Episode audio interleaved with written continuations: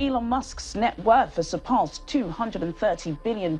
Elon Musk may be one of the richest people ever, but he's also lost more money than anyone in history. The Tesla, SpaceX, and Twitter boss is the first person ever to lose $200 billion of his fortune. CEO Elon Musk sending an email to Tesla employees yesterday saying, quote, don't be too bothered by stock market craziness. It's shed almost a third of its value, at least before yesterday in that rally we saw.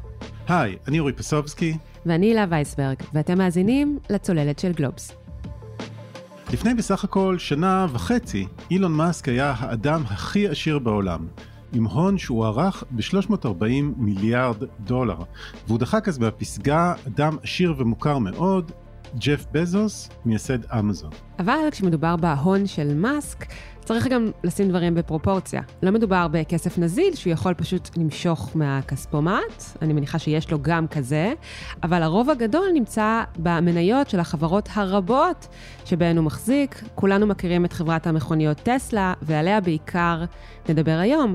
אבל למאסק יש עוד הרבה עסקים, חברת הטילים ומשימות החלל SpaceX, חברת המנהרות התת-קרקעיות The Boring Company, חברה בשם Neuralink שעוסקת בנוירוטכנולוגיה ובינה מלאכותית, וכמובן הרשת החברתית טוויטר, שבה הוא מחזיק מאז אוקטובר. אבל השנה החולפת, 2022, הייתה שנה כלכלית רעה מאוד עבור מאסק, וכמו בכל מה שהוא עושה, גם כשהוא מוחק הון, הוא עושה זאת בענק. כן, מאסק הוא האדם הראשון שמוחק 200 מיליארד דולר מהונו, וההון שלו כרגע עומד על משהו כמו 137 מיליארד דולר בלבד. וזה קרה בעיקר בגלל שזו הייתה שנה קשה מאוד עבור טסלה, המניה שלה ירדה ב-40% בדצמבר וב-70% לאורך שנת 2022 כולה, מה שהופך את מאסק לאדם השני הכי עשיר בעולם. טוב, לא צריך יותר מדי לדאוג לו, אבל מאסק כן, הוא מוטרד, הוא מוטרד בעיקר בגלל טסלה בימים האלה, חברת המכוניות החשמליות. זו החברה שבמשך כל כך הרבה שנים הייתה ה baby שלו. מאסק ישן על רצפת המפעל שלה כשהיו תקלות. הוא נלחם עליה, על החזון שלה. גם כשכולם אמרו לו שהכל אבוד, הוא הכניס לקופה שלה עוד ועוד ועוד כסף לאורך השנים, והוא ראה אותה צומחת מכמעט שלוש פשיטות רגל לשווי של יותר מטריליון דולר, ולהצלחה פנומנלית, והאמת, די בלתי צפויה. אז היום נדבר בדיוק על זה, על אילון מאסק וטסלה. ננסה להבין מה קרה לאיש השני, הכי עשיר בעולם בשנה האחרונה, והאם הפעם, למרות שהספידו אותו כבר באמת המון פעמים בעבר, זה באמת רגע הנפילה שלו. Uh, כן, שלו וגם של טסלה, נדבר גם uh, על למה בעצם קרתה הנפילה במניה טסלה, מה היא אומרת על החברה, האם החברה תשתקם, והאם חזון המכונית החשמלית של מאסק יכבוש בסוף את העולם. אני רואה מלא טסלות סביבי. בכל מקום שאליו אני הולכת אני רואה המון טסלות, אולי זה כי קראתי עכשיו ספר של 300 עמודים על טסלה. אולי זה קשור למקומות שאת מסתובבת בהם. כן, גם נכון, אבל לתחושתי, אם לא טסלה, אז המכוניות החשמליות בטוח יכבשו את העולם. ונדבר על זה היום גם עם כתב הרכב של גלובס, דובי בן גדליהו. כן, ואילת אה, שוחחת גם אה, עם כתב הרכב והטכנולוגיה של וול סטריט ג'ורנל, אה, טים היגינס, שגם כתב ספר על טסלה ואילון מאסק בשם משחקי כוח, סיפורה של טסלה, ההימור של המאה, שיוצא בימים אלה לאור בהוצאת מטר, בתרגום לעברית. It's part of this complicated kind of evolution from Elon um, over the years of, you know, is he the hero, is he the anti-hero, is he the villain? And it depends on the topic and it depends on kind of the situation. And it gets to the kind of core that there is no black and white story when it comes to Elon Musk. Um, sometimes he's the hero and sometimes he is the villain. זה היה היגינס, ושמענו אותו תוהה אם מאסק הוא אנדרדוג, גיבור, אנטי גיבור, נבל, או פשוט הכל ביחד. אז uh, אנחנו נשמע היום עוד קטעים מטים היגינס, נדבר גם עם דובי בן גדליהו, ונשאל לגבי העתיד של טסלה, אילון מאסק ושוק המכוניות החשמליות בישראל ובעולם.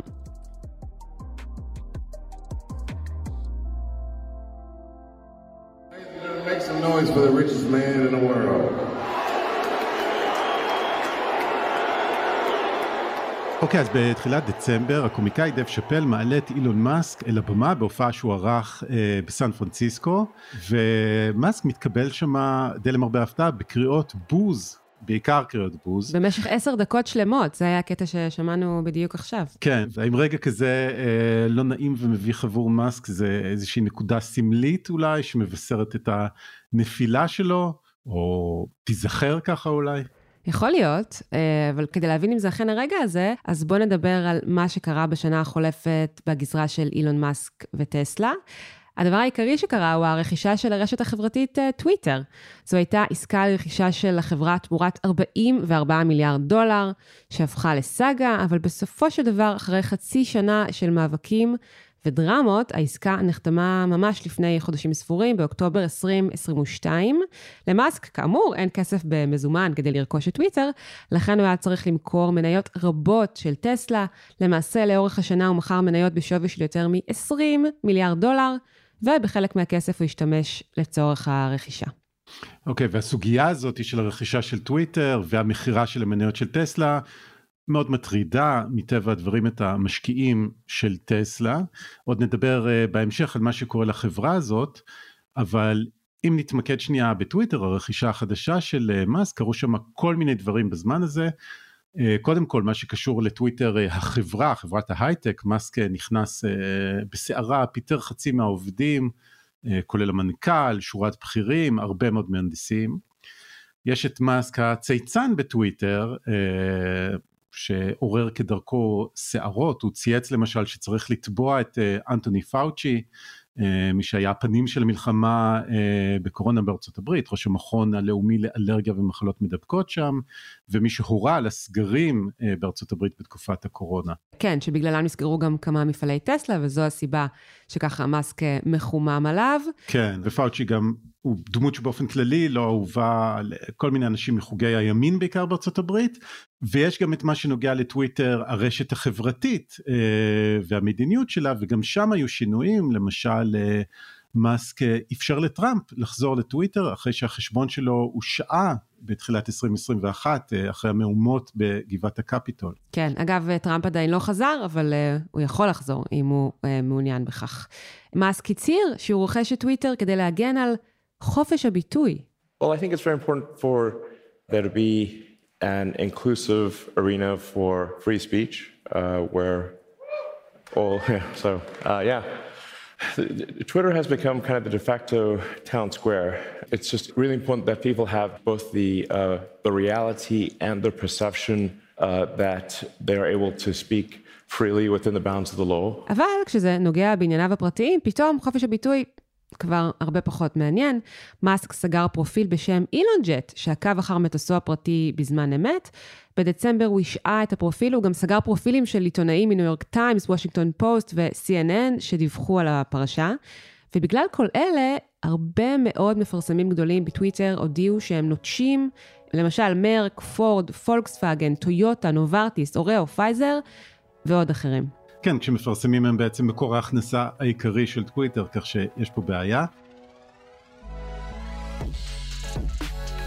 אוקיי, אז בואי נתעכב קצת יותר על הקשר uh, בין uh, טוויטר uh, לטסלה, את יודעת. מה היגינס למשל חושב על הקשר שבין uh, עסקת הרכישה של טוויטר לנפילה שראינו במניה טסלה? כלומר, יכול להיות שמאסק באיזשהו מקום מקריב את uh, טסלה לטובת טוויטר, ואם כן, למה בעצם? הוא אומר שזה חשש מאוד מאוד ממשי של המשקיעים כיום, כי באמת אה, הרבה מתשומת הלב של מאסק וגם כמובן מהכסף שלו הופנו לטוויטר על חשבון טסלה, והמבחן לדבריו יהיה השנה, 2023.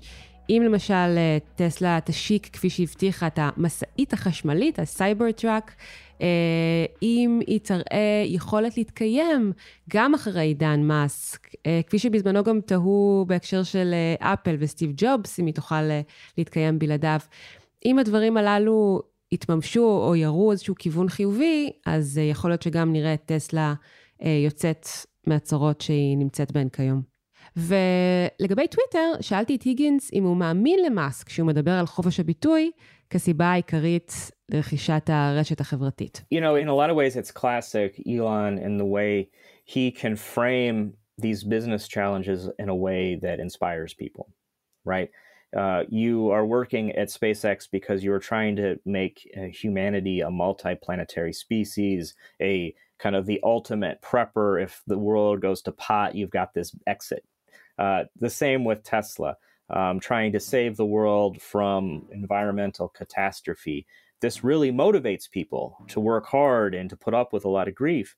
And it, it seems as if he is trying to frame his challenges at Twitter in a similar kind of heady way.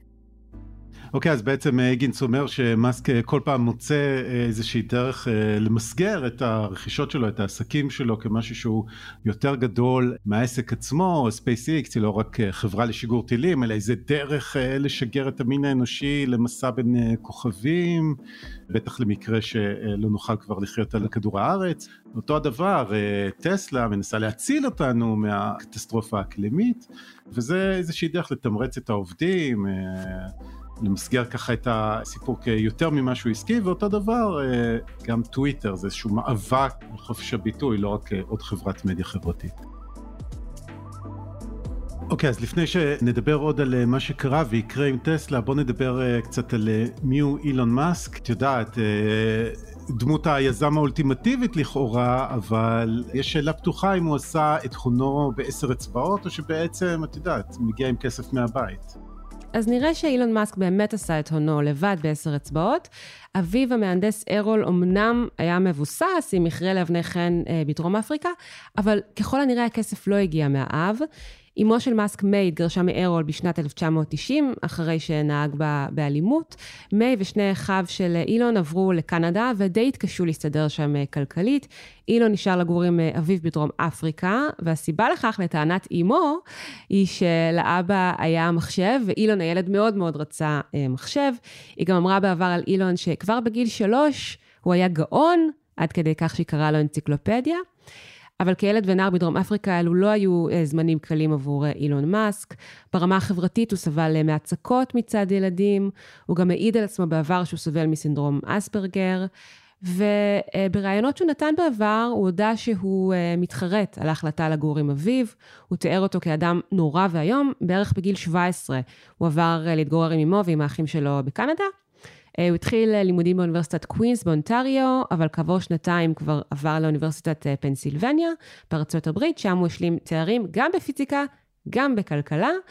הוא גם התקבל לדוקטורט באוניברסיטת סטנפורד, אבל בסופו של דבר הוא העדיף להצטרף לבום של האינטרנט, תעשיית האינטרנט הצעירה, שצמחה בעמק הסיליקון, הוא הקים שם כל מיני חברות, למשל את זיפ 2 יחד עם אח שלו קימבל. ואחר כך הוא הקים חברה שהפכה בהמשך לפייפל, שבסוף גם נמכרה לאי-ביי תמורת 1.5 מיליארד דולר. כן, שם הוא נדמה לי גם פגש את פיטר תיל, עוד איזושהי דמות מאוד מוכרת ב Silicon Valley, ומאסק היה המנכ"ל, נכון? נכון. עד אשר, בשנת 2000 הוא יצא לערך דבש עם מי שהייתה אשתו הראשונה, ג'סטין ווילסון, וכשהוא חזר מערך הדבש, הוא גילה להפתעתו שהוא כבר לא המנכ"ל.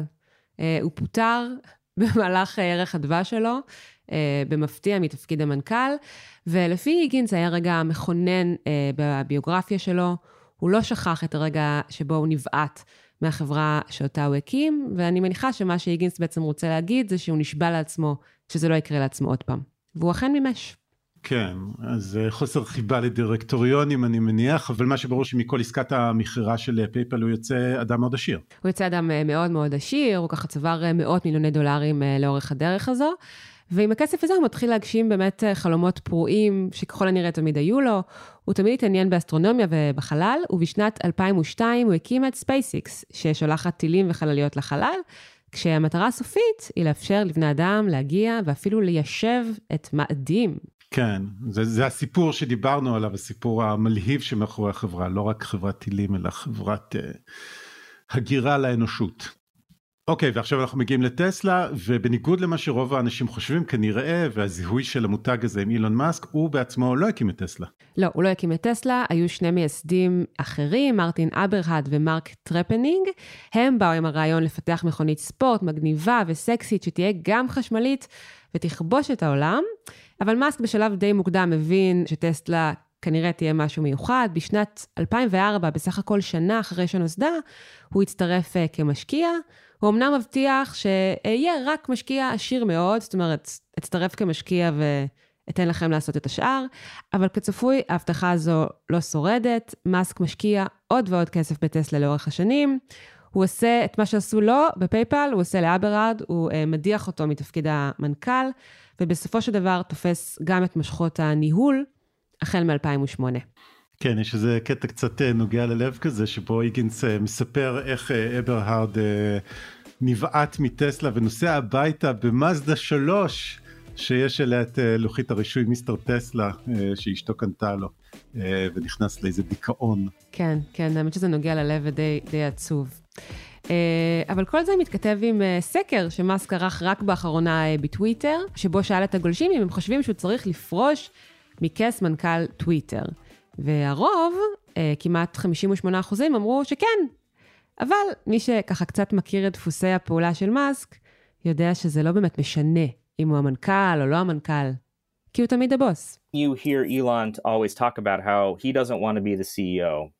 And that might be true. He doesn't want to have the boring roles of the CEO job, the HR issues, the legal headaches, the you know public relations concerns, all these things. He would rather be tinkering or being engineering, building new things. But the reality is he might not want to be CEO, but he wants to be the boss. אוקיי, okay, אז יש פה איזה דפוס, דמיון בין עסקאות טוויטר וטסלה, שבמובן הזה שמאסק מגיע רק כמשקיע, בסוף משתלט על החברה, מפטר חלק ניכר מהעובדים ונשאר כמנכ"ל. בדיוק, אז באמת שאלתי את היגינס בהקשר הזה, אם uh, כשמאסק נכנס uh, להשקעה בטסלה, ממש בראשית הדרך, הוא עשה זאת בידיעה שהוא רוצה את החברה לעצמו. It doesn't seem that way. You talk to people early on and it seemed as if he thought this was going to be simply an investment. And he has talked about he was putting money out there. He didn't think the odds were very good, but he wanted to take the chance. His true love was SpaceX, and people that have worked with him over the years talk about how SpaceX is his, you know, his true passion. It's almost as if it's his wife,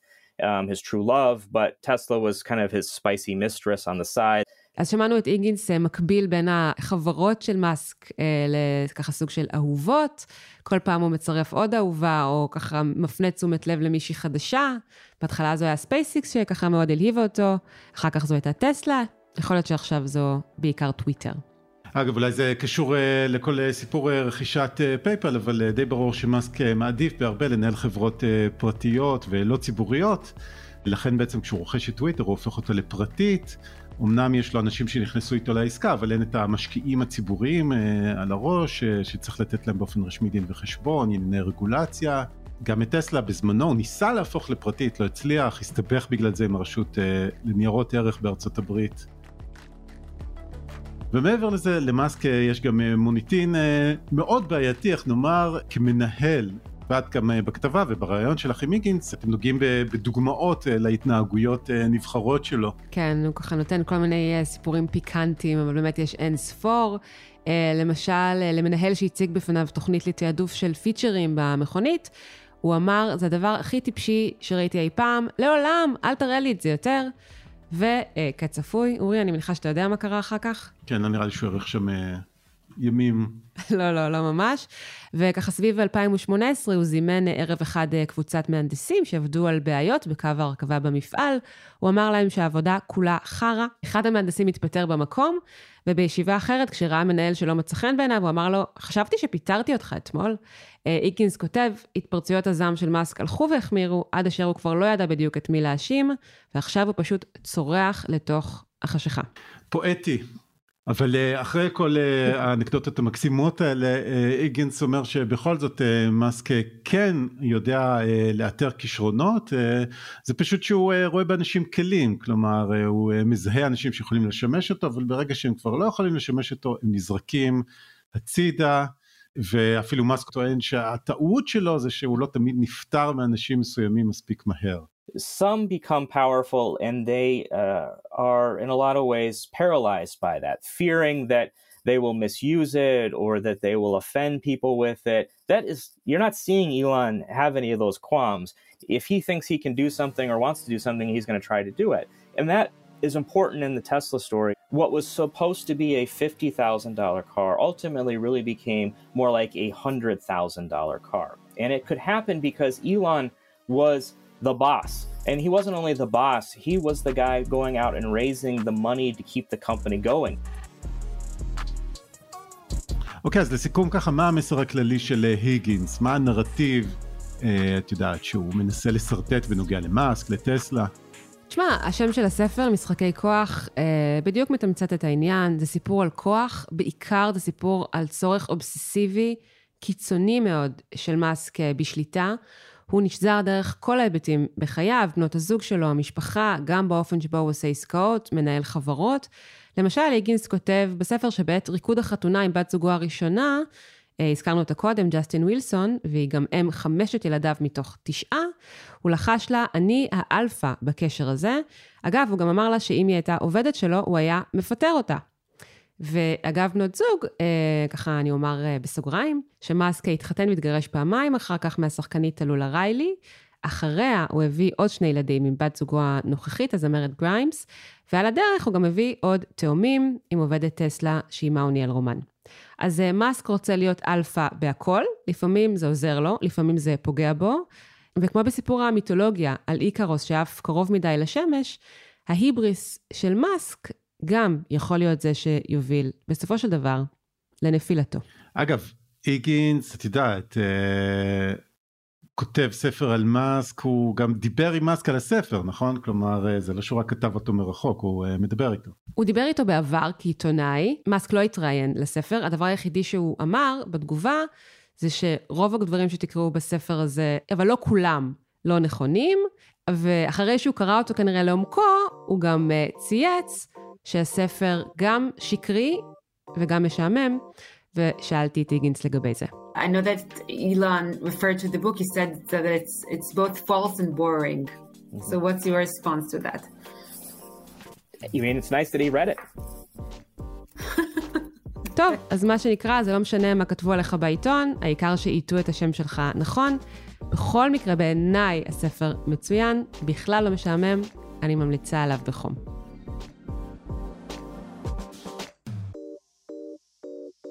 אז בואו נעבור עכשיו אה, לכתב הרכב של גלובס, דובי בן גדליהו, וננסה להבין מה בדיוק קרה לטסלה בחודשים האחרונים, אה, בשנה האחרונה, ובכלל, אה, מה קורה בשוק המכוניות החשמליות.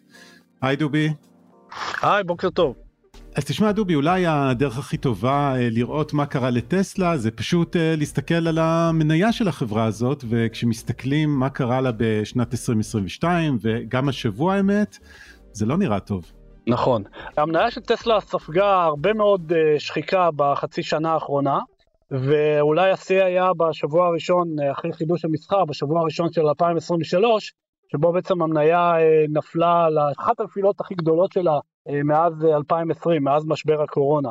ואנחנו מדברים על נפילה דו-ספרתית במניה, שזה דבר שלא ראינו כבר ולא חשבנו שבכלל יכול לקרות. אבל כאשר מדברים על טסלה, כמובן צריך להפריד בין שני דברים.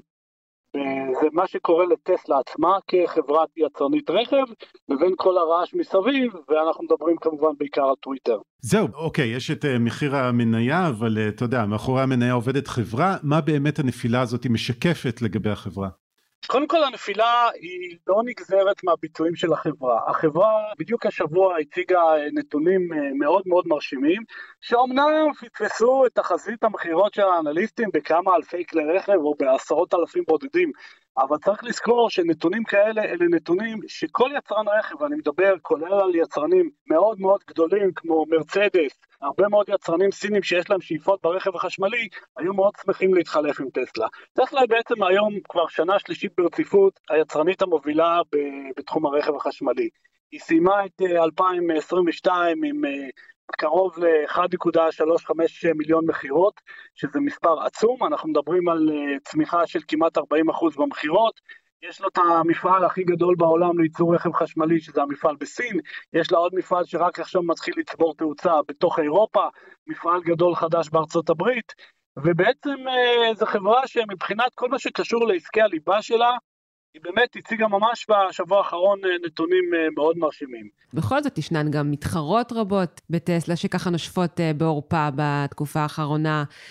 ישנה את בעיית הקורונה בסין והמפעלים שנסגרו שם, זאת אומרת, יש גם בעיות. נכון, לטסלה אין ספק שיש שם הרבה, הרבה יותר מתחרות, אבל כשמסתכלים על הנתונים, עדיין בפלח הספציפי של הרכב החשמלי, עוד אין חברה שהצליחה להדביק אותה. כלומר, יש איזה חברות uh, סיניות למשל, שבאמת מוכרות כמויות מאוד מכובדות בפלח העממי, למשל uh, BYD, אנחנו מכירים את גילי, אבל במה שנקרא הפלח הפרימיום החשמלי, שזה בעצם הפלח הכי רווחי. טסלה היא היום החברה הרווחית ביותר בכל שוק הרכב העולמי אפשר להגיד. ויש לה רווחיות שעולה אפילו על זאת של פורשה, שפורשה פועלת רק בשוק הסופר יוקרה. והמשמעות של זה זה בעצם שיש להם הרבה מאוד, יש להם buffer שהם יכולים להוריד פה מחירים. אגב, זה בדיוק מה שהם עשו בחודשים האחרונים. בסין ובארצות הברית הם הורידו מחירים באלפי דולרים, אפשר לפרש את זה בתור חולשה או בזה שהשוק נחלש, אבל בתכל'ס זה אומר שהחברה הזאת יכולה להרשות לעצמה לוותר על רווח של אלפי דולרים ועדיין להרוויח בצורה מאוד מאוד מרשימה. זה נכון שכל העולם עסוק בלנסות לסגור פערים עם טסלה, אבל לפחות בעסקי הליבה שלה קשה מאוד אה, לסגור איתה את הפערים האלה. אוקיי, okay, אז אם אנחנו בכל זאת מתעכבים ומנסים לפענח את הנפילה במחיר המניה שלה, אתה אומר, אוקיי, okay, זה כן חברת רכב מוצלחת, אז יכול להיות, אתה יודע, יש את הטענה שפשוט התמחור שלה לא היה הגיוני כי היא תומחרה במכפילים מה שנקרא של חברת טכנולוגיה ולא של חברת רכב. אבל פה זה באמת אנחנו נכנסים לטריטוריה של שוק ההון. כל שוק ההון, כל המכפילים שהכרנו לפני שנה, כולל המכפיל של טסלה, הדברים האלה כבר לא קיימים יותר. ועדיין לטסלה יש היום, לפחות מה שאנליסטים אומרים, שהמכפילים הנוכחיים שלה בשער המניה הנוכחי שהוא באזור ה-110 דולר הם מאוד קרובים לריאלי, זאת אומרת זו חברה שמרוויחה הרבה מאוד כסף וכנראה הרוויחה, היא עוד לא כמובן לא הציגה את הדוח השנתי ל-22 אבל כנראה היא תרוויח מאוד גם הרבה מאוד כסף השנה. ואין ספק שהמכפיל היה מכפיל ששיקף הרבה מאוד דמיון והוא שיקף במידה רבה גם את ה... נקרא לזה את העובדה שאילון מאסק היה הגורו של כל שוק ההון וכל שוק ההייטק וכולי, ושהיו לו המון המון חסידים. אנחנו זוכרים היטב את התקופה שבה כל ציוץ שלו בטוויטר הצליח אה, להפיל ו... או להעלות אה, לא רק מניות בודדות, כן. לעתים אפילו את כל השוק, את שוק הקריפטו, כל הערה שלו ממש הקפיצה את השוק הזה. אנחנו יודעים שכל הערה שלו על מתחרים או על חברות הזנק, גם כן הקפיצו אותם או הפילו אותם. היה לו באמת אה, כוח עצום. אז באמת המכפילים האלה כבר לא קיימים, וכנראה שגם אילון מאסק אה, קצת הוא כבר לא, נקרא לזה, הוא כבר לא המאמי הלאומי של ארה"ב או של המשקיעים בכלל בעולם. אז זהו, אז אולי זו באמת הבעיה היום, כשאילון מאסק בעצם הוביל את הפרסום של טסלה, הוא הפרזנטור העיקרי שלה. זה שיחק לטובתה בעבר, אבל אולי זה כבר לא משחק לטובתה עכשיו. בטח אם מביאים בחשבון גם את הפנייה החדה שלו ככה ימינה מבחינה פוליטית וההתבטאויות שיש לו בגזרה הזו. קודם כל אנחנו צריכים לזכור שנקרא לזה התנהגות לא הכי תקנית אה, אפיינה את אה, אילון מאסק מתחילת הדרך, עוד הרבה לפני הקפיצה הגדולה שלהם. אוי, דובי, אתה כל כך מנומס במילותיך, לא הכי תקנית. ואת יודעת, אנחנו בכל זאת, יש לנו יועצים משפטיים, אין מה לעשות. בכל מקרה, כל אורך הדרך, נקרא לזה, היה לו אישיות צבעונית, ובשנה האחרונה הוא עשה קצת יותר מדי טעויות. ככל הנראה, או לפחות טעויות שמאוד מאוד כואבות למשקיעים שלו. קודם כל, המסע המימושים שלו, אני לא חושב שעוד היה מסע מימושים של בעל עניין בחברה בורסאית בהיקפים כאלה, בצורה כל כך מרוכזת, שחלקם נעשו בשיא, ממש כשטסלה הייתה שווה טריליון דולר, והיום המשקיעים אומרים, אוקיי, למה אנחנו לא חשבנו על זה, או למה הוא לא רמז לנו שאולי זה לא הולך להימשך.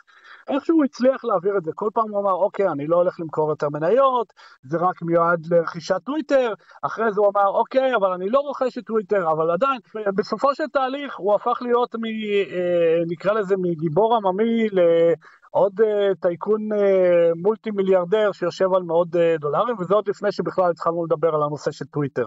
כן, אז תשמע, יש איזושהי טענה שראיתי שעולה בארצות הברית, ש... יש פה איזה נתק פתאום בין uh, מאסק לבין uh, הלקוחות שלו, כלומר, uh, כי הרבה מההתנהגות שלו בשנה האחרונה היא משהו שיוצר איזשהו ניכור, אובדן הזדהות עם המותג, בדיוק אצל הלקוחות הכי חזקים של טסלה. אין ספק, כשאתה לוקח חברה שמזוהה מאוד עם ההייטק האמריקאי כמו טוויטר, והטקיסטים אפשר להגיד, אני מדבר כמובן על הייטקיסטים בעולם, לא רק בישראל, הם בעצם היו מקור הכוח שלו. זה ההארדקור של לקוחות טסלה, אנשים שיודעים להעריך את הטכנולוגיה, אנשים שמסתכלים קדימה, אנשים שמסתכלים על החדשנות וכולי.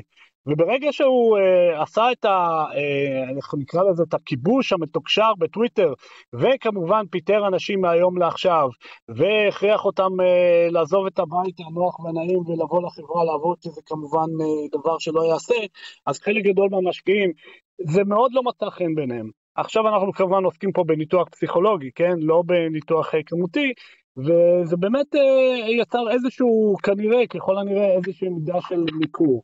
אנחנו צריכים לזכור שגם אה, מערך המוצרים של טסלה, היו שם המון המון המון הבטחות שלא קוימו. רכב טסלה שייסע ללא נהג מניו יורק לסן פרנסיסקו אה, ברציפות, כמובן זוכרים את הפיקאפ החשמלי המפורסם, הסייבר טראק, שאמור היה לצאת ב-2022, ב-2021, אחרי זה אמרו תחילת 2023, עכשיו אין לנו עדיין בכלל אה, מועד, כלומר מעבר לכל הדברים הפסיכולוגיים, יש פה גם הרבה הבטחות של החברה שבעצם לא קוימו, או אין להם תאריך אה, קיום אה, ודאי. אז מה לדעתך, דובי, יהיה בעתיד? מה יהיה בעתיד עם טסלה, ומה יהיה בעתיד עם שוק המכוניות החשמליות? אם ניפגש פה בעוד חמש, עשר שנים, זה יהיה מובן מאליו שלכל אחד מאיתנו תהיה מכונית חשמלית בחניה? קודם כל, בטווח הקצר צריך לזכור שטסלה יש עכשיו רוח גבית עצומה מהממשל האמריקאי. במהלך אוגוסט הקונגרס קיבל אה, את מה שנקרא החוק למלחמה באינפלציה, שבמסגרתו אה, הממשל בעצם אה, שלל את הטבת המס לכלי רכב חשמליים שלא מיוצרים בארצות הברית. כלומר, כמעט במחי יד הממשל הפדרלי לקח את הבונוסים מהרבה מאוד מתחרים של טסלה, ובעצם הפך את השוק האמריקאי לשוק מאוד מאוד נוח לטסלה בשנים הקרובות. זה ייתן לה יתרון עסקי מאוד מאוד מאוד משמעותי בתקופה הקרובה, או לפחות בשנה, שנתיים, אולי אפילו בשלוש השנים הקרובות. כמובן, אבל בסופו של דבר אה, טסלה תהיה חייבת להרחיב את אה, מגוון המוצרים שלה. אין לה ברירה אלא אה, להיכנס לתחום למשל של הפיקאפים החשמליים, שזה תחום מאוד מאוד רווחי ומאוד מאוד חזק בארצות הברית. טסלה גם תצטרך כמובן להשיק באיזשהו שלב רכב שהוא קצת יותר נגיש להמונים, הרכב הכי זול של טסלה היום בארצות הברית זה סדר גודל של 54 אלף דולר.